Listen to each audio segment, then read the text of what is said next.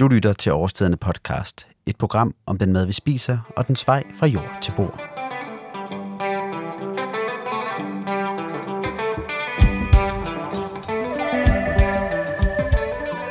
Det er ikke mange år siden, at man gik og sagde, at veganere, det er sådan nogen, der kun går og spiser nedfaldsfrugt. Og ja, måske ærligt talt er der i virkeligheden stadig rigtig mange, der går og siger det. Men den her udsendelse, den skulle gerne være med til at dræbe myten om, at veganere kun spiser nedfaldsfrugt, og i stedet skabe et mere nuanceret billede af, hvad det vil sige at være veganer. Og jeg skulle hilse at sige, det er også en ordentlig mundfuld, for der findes i virkeligheden mange forskellige opfattelser af netop det. Den veganske livsstil har nemlig en utrolig evne til at blive koblet sammen med køn og seksualitet, politiske bevægelser helt fra den yderste venstrefløj til nynazister. For at få styr på, hvad det er, der rører sig i det veganske miljø, ja, så har jeg talt med en helt almindelig familiefar, der vil fortælle om, hvordan man som børnefamilie kan leve vegansk. Jeg har også mødt en tidligere professionel håndboldspiller, som har bevist, at det faktisk er muligt at være superatlet på ren planteenergi. Først skal vi dog have historien på plads, og det får vi med Rune Christoffer Dragsdal, der er generalsekretær i Dansk Vegetarisk Forening man kan sige, at den internationale øh, vegetariske bevægelse øh, er jo en elgammel sag, og, og øh, den britiske vegetarforening bliver stiftet i, i midten af 1800-tallet. Men så efter cirka 100 år, i 1944, så er der hvad hedder det, Donald Watson, der, der ja, han, han er utilfreds med, at han synes, at der er en del af vegetaren, der ikke er konsekvente nok og går langt nok hele vejen, fordi det vegetariske i sit udgangspunkt har en, en mulighed for også at spise mælkeprodukter og æg og derfor tænker jeg, at nu skal vi tone rent flag. En, en ordentlig vegetar, det er altså nogen, der slet ikke spiser noget animalsk, eller på nogen som helst måde bruger noget fra dyr. Men de ender så med at gå efter ordet øh, øh, på engelsk, altså vegan, som direkte er taget ud af vegetarian. De tre første bogstaver i, i vegetarian, og så de sidste to an. Så veg, an, det bliver til vegan. Og så stifter de så Vegan Society i Storbritannien i 1944. Og, og igen er det meget vigtigt at huske, at definitionen her på, på, på det veganske, det er simpelthen en person, der, øh, der undgår at, øh, at, øh, hvad skal man sige, der ønsker at undgå så vidt muligt, så vidt det er praktisk muligt, øh, øh, at, at udnytte dyr eller begå forskellige former for grusomhed imod dyr. Så en alle former for anvendelse og udnyttelse af dyr ønsker man at undgå, øh, hvis man er veganer. Og, og der ligger den forskel, at der har vegetarerne i deres definition en lille dør åbnet på klem til, at man godt kan bruge mælkeprodukter og æg for eksempel. Tilbage i 40'erne, der var der selvfølgelig også veganere i Danmark, men de måtte altså vente 20-30 år, før at en egentlig vegansk bevægelse blev etableret her til lands. Øh, der er en, øh, der er en kvinde, der hedder Kirsten Jungsberg, som er med til at starte en, øh, starte, holde nogle møder, nogle spiseklubber, ligesom for det, hun siger, fanatiske vegetarer. Hun skriver det sådan med et glimt i øjet, men det vil sige også, der absolut øh, helt understreger, at vi aldrig vil bruge mælkeprodukter og æg. Øh, men hun får nogle andre med på også at starte Vegana dengang. Øh, I 75 øh, blev det sådan en spiseklub, og så blev det gradvist mere formaliseret forening med tiden. Øh, de starter faktisk også den første internationale veganfestival, som blev holdt øh, i Danmark første gang blev holdt. Nu har vi efterhånden fået historien på plads, og derfor er det oplagt at se lidt nærmere på, hvad det er, der motiverer de folk, som vælger at blive veganere. For der er selvfølgelig også andre ting end hensynet til dyr, som har betydning for, hvorfor at folk de vælger at tage skridtet og blive veganere det er stadig det, er stadig øh, det dyreetiske, der griber øh, de fleste, øh, som vælger at øh, sige, at nu øh, skal det være helt, øh, helt plantebaseret. Det, det er sådan, helt inden for hele det vegetariske segment, så, så er der af befolkningen, der er tre grundlæggende motiver, ikke? sundhed, bæredygtighed og dyreetik. Men man kan sige, at i, i definitionen af, af, af det veganske, der er det stadig et forhold til, til dyr, der ligger til grund for det. Men øh, hvis du spørger den bredere befolkning, så er der mange flere, der er åbne over for, for spørgsmål om sundhed og, og bæredygtighed. Og det betyder også, at det for mange mennesker kan det godt være et første skridt i den her retning. Det kan være nogle overvejelser om sundhed eller om bæredygtighed. Men, øh, men i takt med, at de får mere og mere bevidsthed om at fokus på det dyreetiske, øh, altså forholdet mellem det at, øh, det at udnytte dyr, det at anvende dyr i, i produktionen og den måde, man gør det på, men også det at tage, tage, tage et dyrs liv for at spise det de, øh, de overvejelser er i sidste ende, der spiller ind på, at folk går, øh, går hele vejen og vælger at leve af, af planter. Som Rune Kristoffer her forklarer, ja, så betyder sundhed og klima meget for, hvorfor man vælger at blive veganer. Men altså, det er stadig princippet om ikke at udnytte dyr, som er, hvad skal man sige, kernen i den veganske tænkning. Nu skal vi høre om familien Andersson, der i mange år har levet efter de veganske principper. Jeg mødtes med faren i familien, Mark Andersson, på Årstedens gård i Humlebæk, for at blive lidt klogere på, hvorfor familien har valgt at blive veganere, og hvordan det i praksis lader sig gøre at få ungerne til at spise så mange grøntsager. Først skal vi dog lige høre, hvordan det veganske til at begynde med kom ind i Marks liv.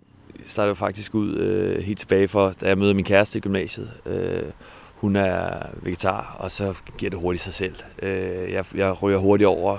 Så vores børn er jo ligesom født vegetariske. Jeg har aldrig prøvet andet. Øh, og for omkring de bliver født, øh, for omkring 10 år siden, der går vi mere og mere i den veganske retning.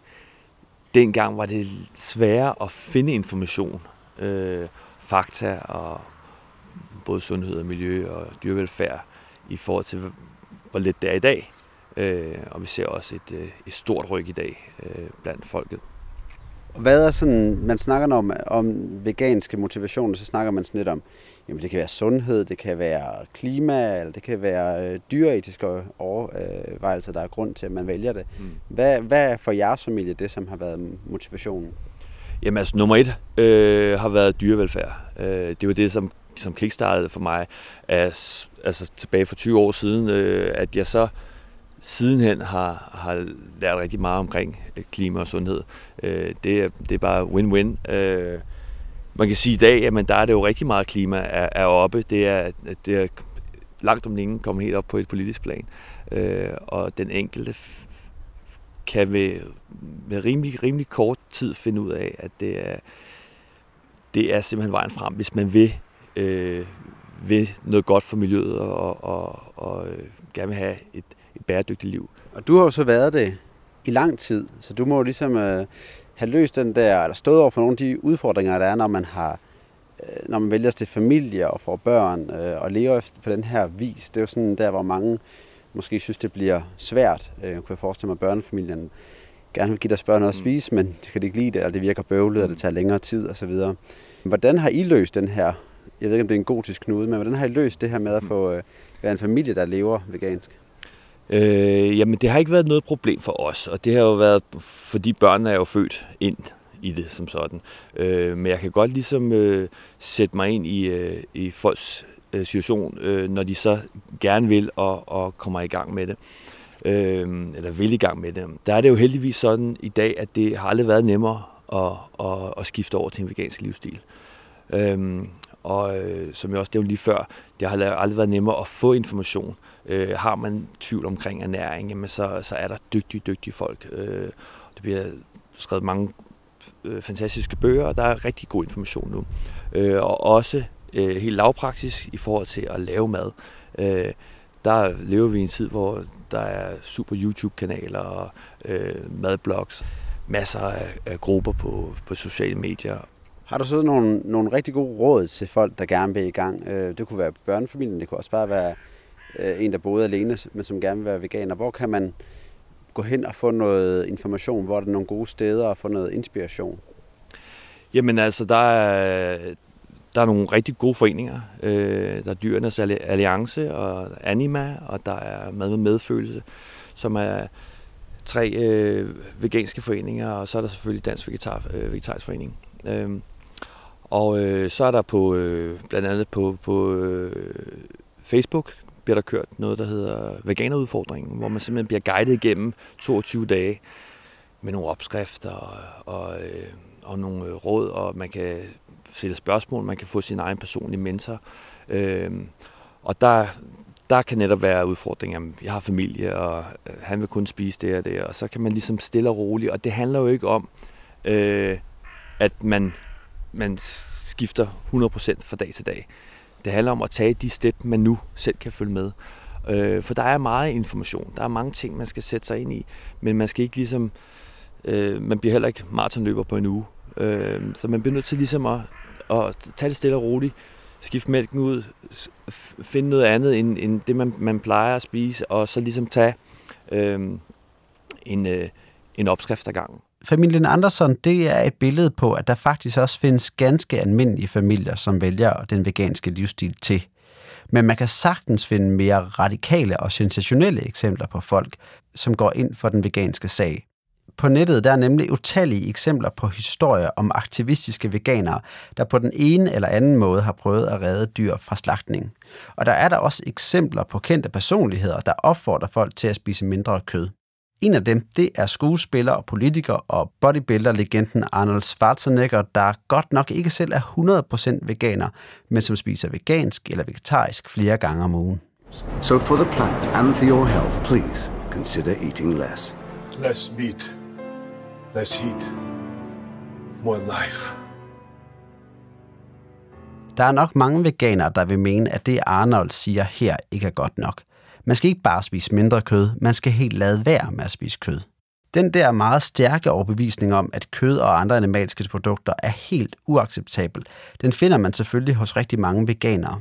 Og jeg tror nogle gange, at det er, hvad skal man sige, principfastheden blandt veganere, som kan virke intimiderende for folk, der spiser kød for at forstå, hvorfor det for så mange veganere er fuldstændig no-go at spise animalske produkter, ja, så fik jeg Rune Kristoffer fra Dansk Vegetarisk Forening til at forklare lidt mere om veganernes syn på dyr. Jeg synes heller ikke, vi skal udnytte dyr og behandle dyr dårligt. Øhm, og og når, når man tror på det, så gør det enormt ondt, og, og i stigende grad de bevidstgjort om, øh, som folk bliver, øh, øh, hvad det er, der foregår i den animalske produktion. Øh, Øh, og så er også det her grundlæggende aspekt med det at tage et andet dyrs liv. Og hvis det er en ganske dyb overbevisning, som det er eller bliver for mange, så betyder det jo så meget, så hvis du egentlig skal, hvis du skal tage det alvorligt, hvis du skal tage dig selv alvorligt og sige, jeg synes virkelig, det er forkert at gøre det her mod dyr, så, så vil man jo egentlig sige, så kunne der næsten ingen ende være på, hvad man vil gøre af ting for at forfølge det mål. Øh, men der er så bare det, en, øh, der er så bare øh, rigtig mange mennesker også i det veganske miljø, som siger, ja, men det er ikke sikkert, at jeg fremmer målet bedst ved at have min fulde, øh, hvor ondt det faktisk gør på mig øh, og på dyrene. Ikke? Men hvis jeg har den med i alt, hvad jeg gør, så er det ikke sikkert, at jeg fremmer min sag. Men på den anden side vil man jo også gerne have integritet og føle, at det, man tror på, og det, man gør, og det, man siger, er i overensstemmelse med hinanden. Men, men der er en intern øh, debat hele tiden i det veganske miljø, og siger, man kan godt tro på noget og kæmpe for en sag, men man tænker sig en lille smule om, hvordan man gør det, fordi der er en rigtig stor befolkning derude, som tænder fuldstændig af på det, hvis man øh, er lidt for utålmodig med den forandring, øh, og hvis man bliver lidt for hissig eller krigerisk, og debatten går vildt på sociale medier. Ikke? Men samtidig så er det jo stadig sådan, øh, det er jo en debat, der er, der er nogle af de lidt mere konfrontatoriske metoder, hvor du smider billeder i hovedet på folk. Jamen det virker jo på nogle mennesker. Det gør det. Spørgsmålet er mere, at øh, på de fleste mennesker, der er det som regel noget, noget mere pragmatisk, stille og roligt, der virker. Det er i hvert fald det, vi tror på, kan man sige, som forening. Og, øh, og den tilgang, vi har til det. Så, så det faktisk skaber forandringen derude. Øh, øh, for ellers kan man... Øh, der kan være mennesker, der går helt i baglås, øh, hvis du faktisk øh, virkelig bruger ind til kernen af nogle af de her ting, med det at slå dyr ihjel, den måde, man behandler dyr på. Der, er, der er bæredygtighed og sundhed dagsordner, der er nemmere i talesætte. til.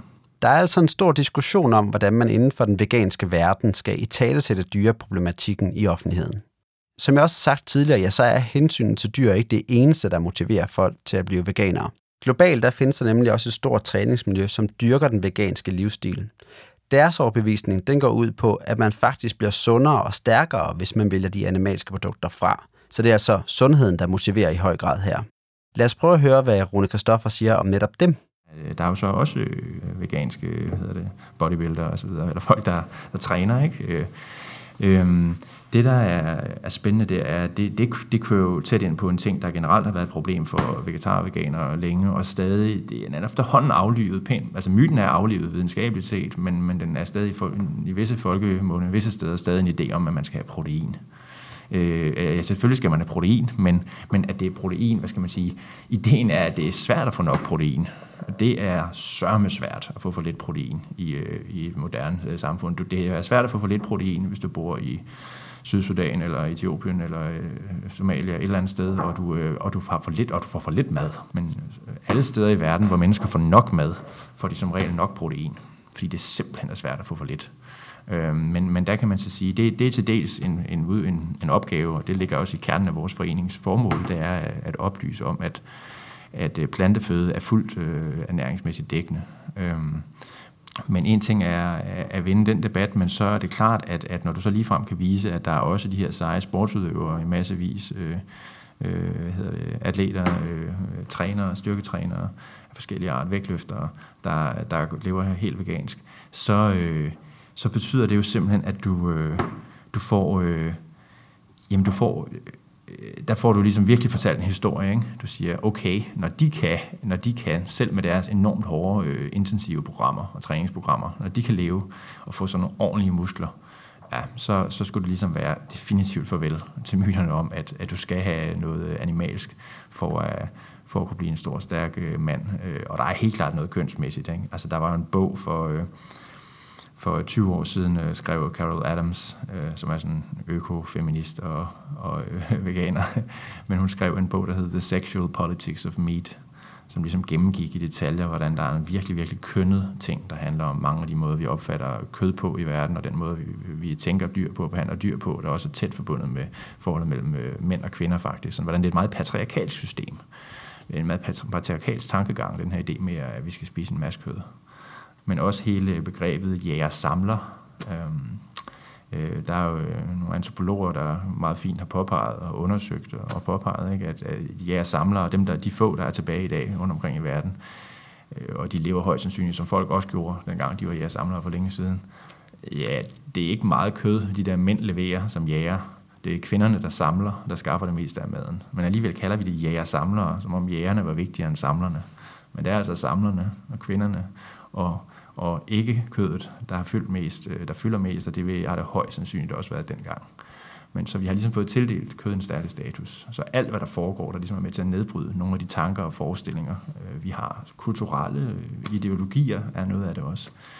Måder, vi forstår og tænker om verden på, i takt med, at det bliver udfordret. Så, så, bliver det, ja, så, så er der også helt klart nogle, det, det hænger tæt sammen med nogle kønsforestillinger, der også skal ændre sig. Ja.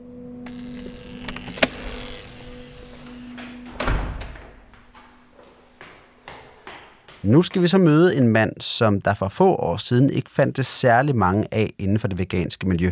Manden, der nu skal møde, hedder Kasper Bilton, og han er tidligere professionel håndboldspiller. I dag der arbejder han som personlig træner, og han har også sin egen veganske café i København. Værsgo. Hej. Tak fordi jeg måtte komme Kasper han er et eksempel på en af dem, som kombinerer det at leve vegansk med træning. Den udvikling, som Kasper han har været igennem de senere år, den er ret spændende. Så derfor var jeg heller ikke i tvivl om, at jeg vil have ham med i den her udsendelse. Lad os prøve at høre, hvordan Kasper han kom ind i den veganske verden. Det, der altså, slog mine øjne op for, for den her verden, det var jo det sundhedsmæssigt. Øh, jeg har spillet håndbold øh, på elite og professionel niveau, siden jeg var 18 år. Og der kom et tidspunkt, hvor at jeg ikke følte mig særlig sund, øh, og øh, jeg havde fået sådan eksem og astma, og ikke havde fået, jeg havde faktisk haft det hele mit liv. Men, men især da jeg blev professionel håndboldspiller, så, øh, så begyndte jeg at spise meget sådan proteinholdigt, og måske ikke, ikke så, øh, jeg tænkte ikke hvor jeg, over, hvor jeg fik, fik mine kalorier fra. Og så ændrede jeg min kost til den plantebaserede, hvor at, øh, jeg følte, at, at de her skavanker, de stille og roligt, de øh, forsvandt. Og så stille og roligt, så øh, ændrede jeg mig bare, jeg tog et, et skridt ad gangen, og en, en, et måned, en måned ad gangen. Øh, og den første måned måtte jeg jo egentlig gerne spise lidt ost, tænkte jeg.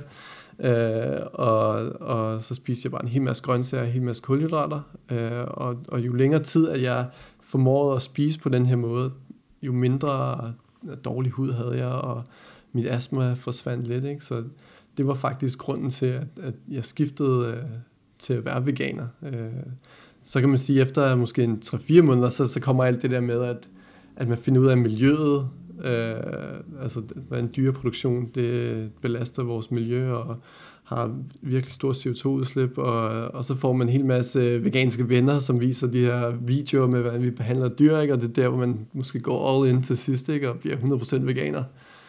Men starte ud med, med det, det sundhedsmæssige. Det er ret interessant, det du siger, fordi du spiller elite, på det her tidspunkt, der spiller du elite håndbold øh, og lever af det. Mm. Når man er professionel atlet eller håndboldspiller i det her tilfælde, så tænker man, det er det, det, det perfekte liv. Du får den perfekte, stærke, sunde krop ud af det. Men alligevel vælger du at lave det, lave det om. Ja, øh, jeg har altid i mit liv, siden jeg var 16-17 år, forestillet mig atleten som den sundeste person i hele verden, også som du siger. Ikke? Og så kæmpede jeg, altså eller har jeg kæmpet en kamp til at komme op på det her professionelle niveau. Og så finder man også sådan lidt ud af, at, øh, at jeg fandt ud af faktisk, at mange af de her mennesker, der spiller professionelt, er faktisk nogle af de mest usunde mennesker, når man kigger på deres kost. Og jeg var faktisk lidt blown away over, hvor, hvor dårligt mad de faktisk mange atleter spiser, og jeg tror også, at det gjorde også sådan lidt af min øh, barnedrøm, som at være atlet og kigge og, og så på de her virkelig sunde mennesker, og det her glansbillede af dem. Øh, det blev også ødelagt, øh, da man selv kom derop til.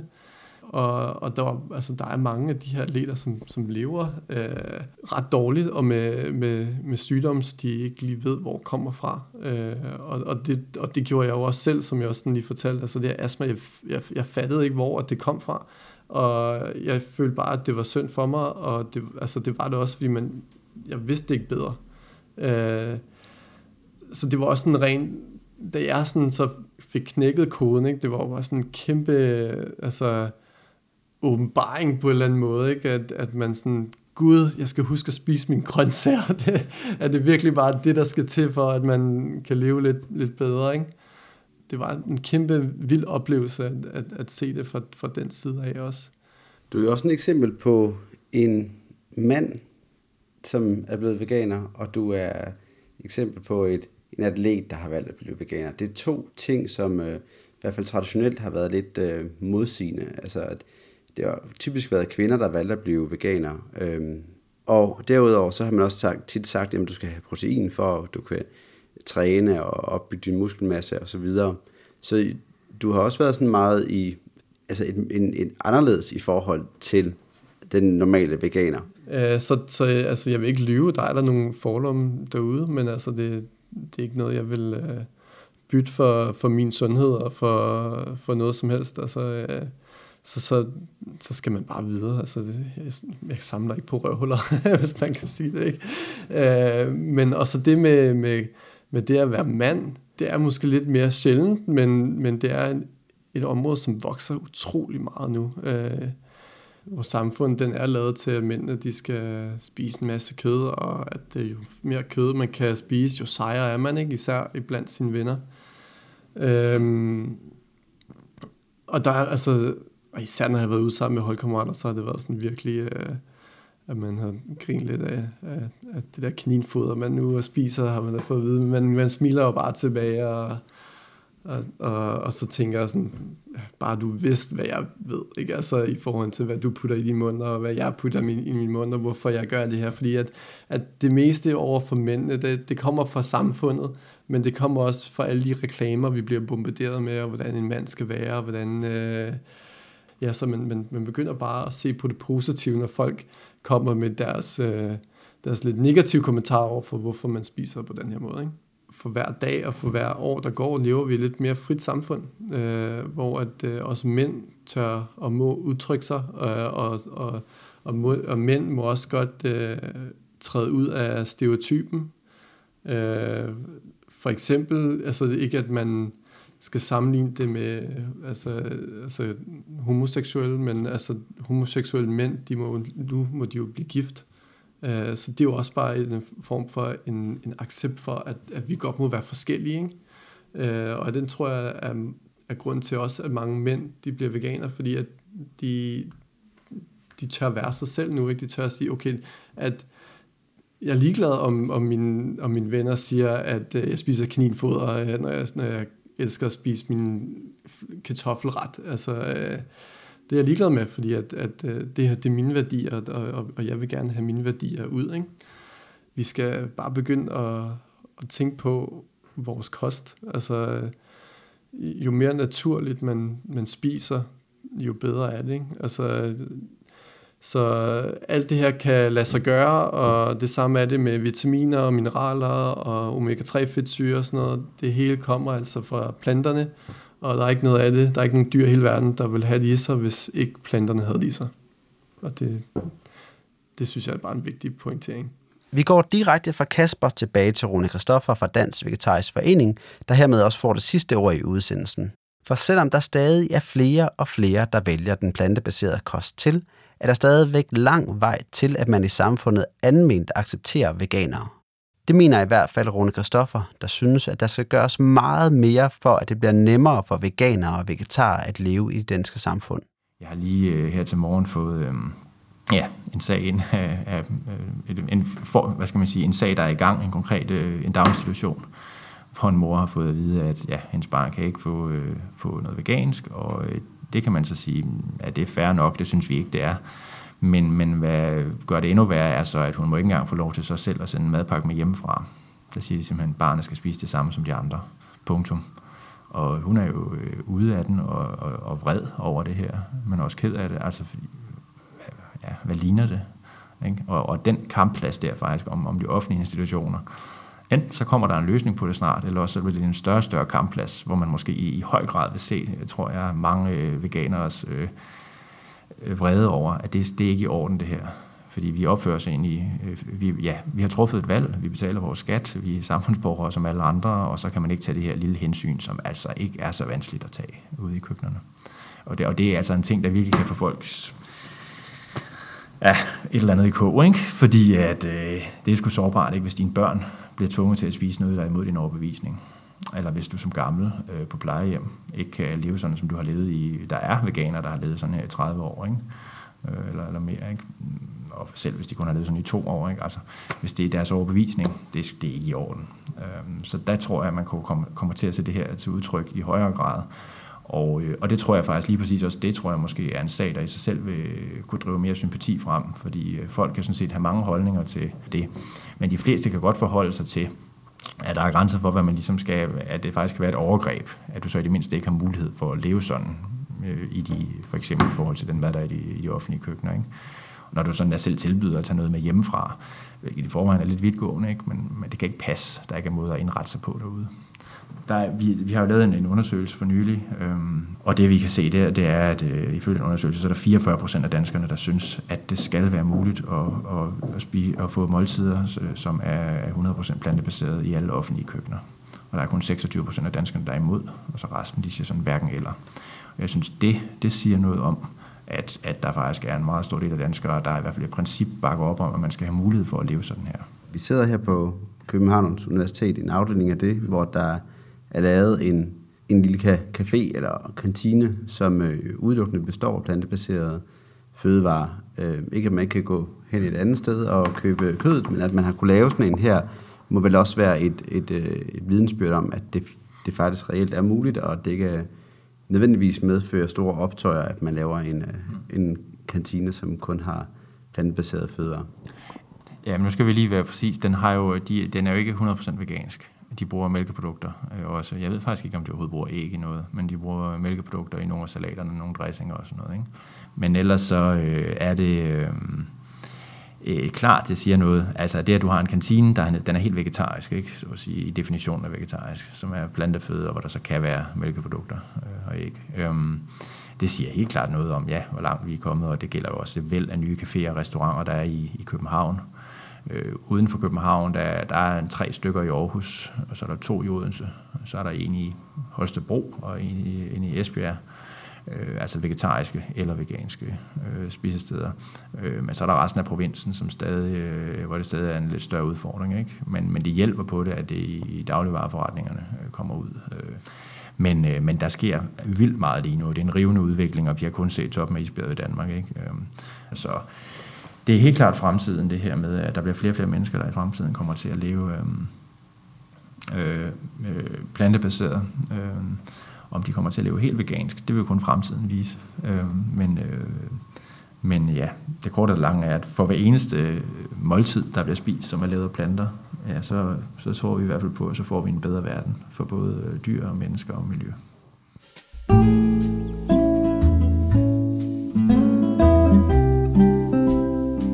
Her slutter så den her rundtur i den veganske verden, hvor jeg har forsøgt at vise, at veganere ikke bare er aktivistiske nedfaldsfrugtspisende planteædere, men derimod en mangfoldig gruppe, der ofte minder mere om en selv, end man måske først lige gik og antog. Efter at have snakket med de her mennesker, så er jeg i hvert fald blevet overbevist om, at man ikke bare kan lukke ørerne for, hvad de siger. For lytter man efter, ja, så har de faktisk nogle gode pointer, som det er værd at tænke over. Mit navn det er Mads Malik Fuglsang Holm, og jeg har kun tilbage at sige tak til alle de medvirkende, og selvfølgelig til dig, fordi du valgte at lytte med. Vi lyttes ved. thank you